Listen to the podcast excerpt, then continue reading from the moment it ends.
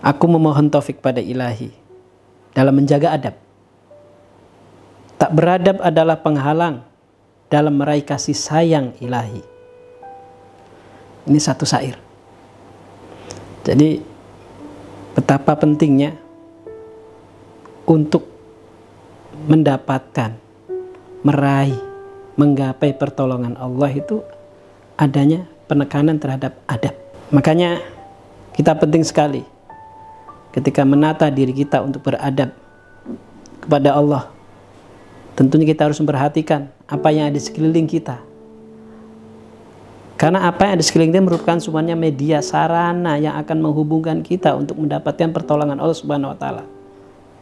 Dengan adab inilah penting sekali. Orang yang beradab akan Allah bimbing untuk bisa mendapati dan menemukan bahwa di situ ada pertolongan-pertolongan Allah, ada taufik-taufiknya Allah Subhanahu wa taala.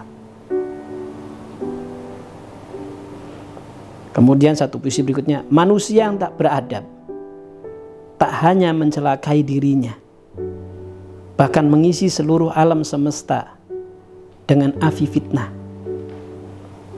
Ini penekanan adab.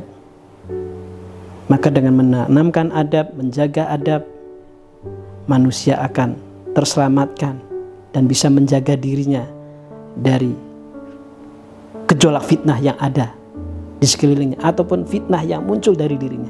Ini pentingnya adab.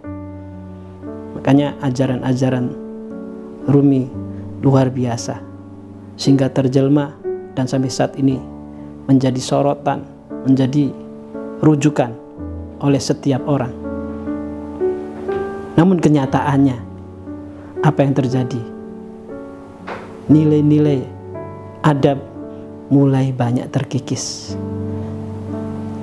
terkalahkan oleh gaya hidup yang senantiasa didominasi oleh keinginan-keinginan dan hawa nafsu.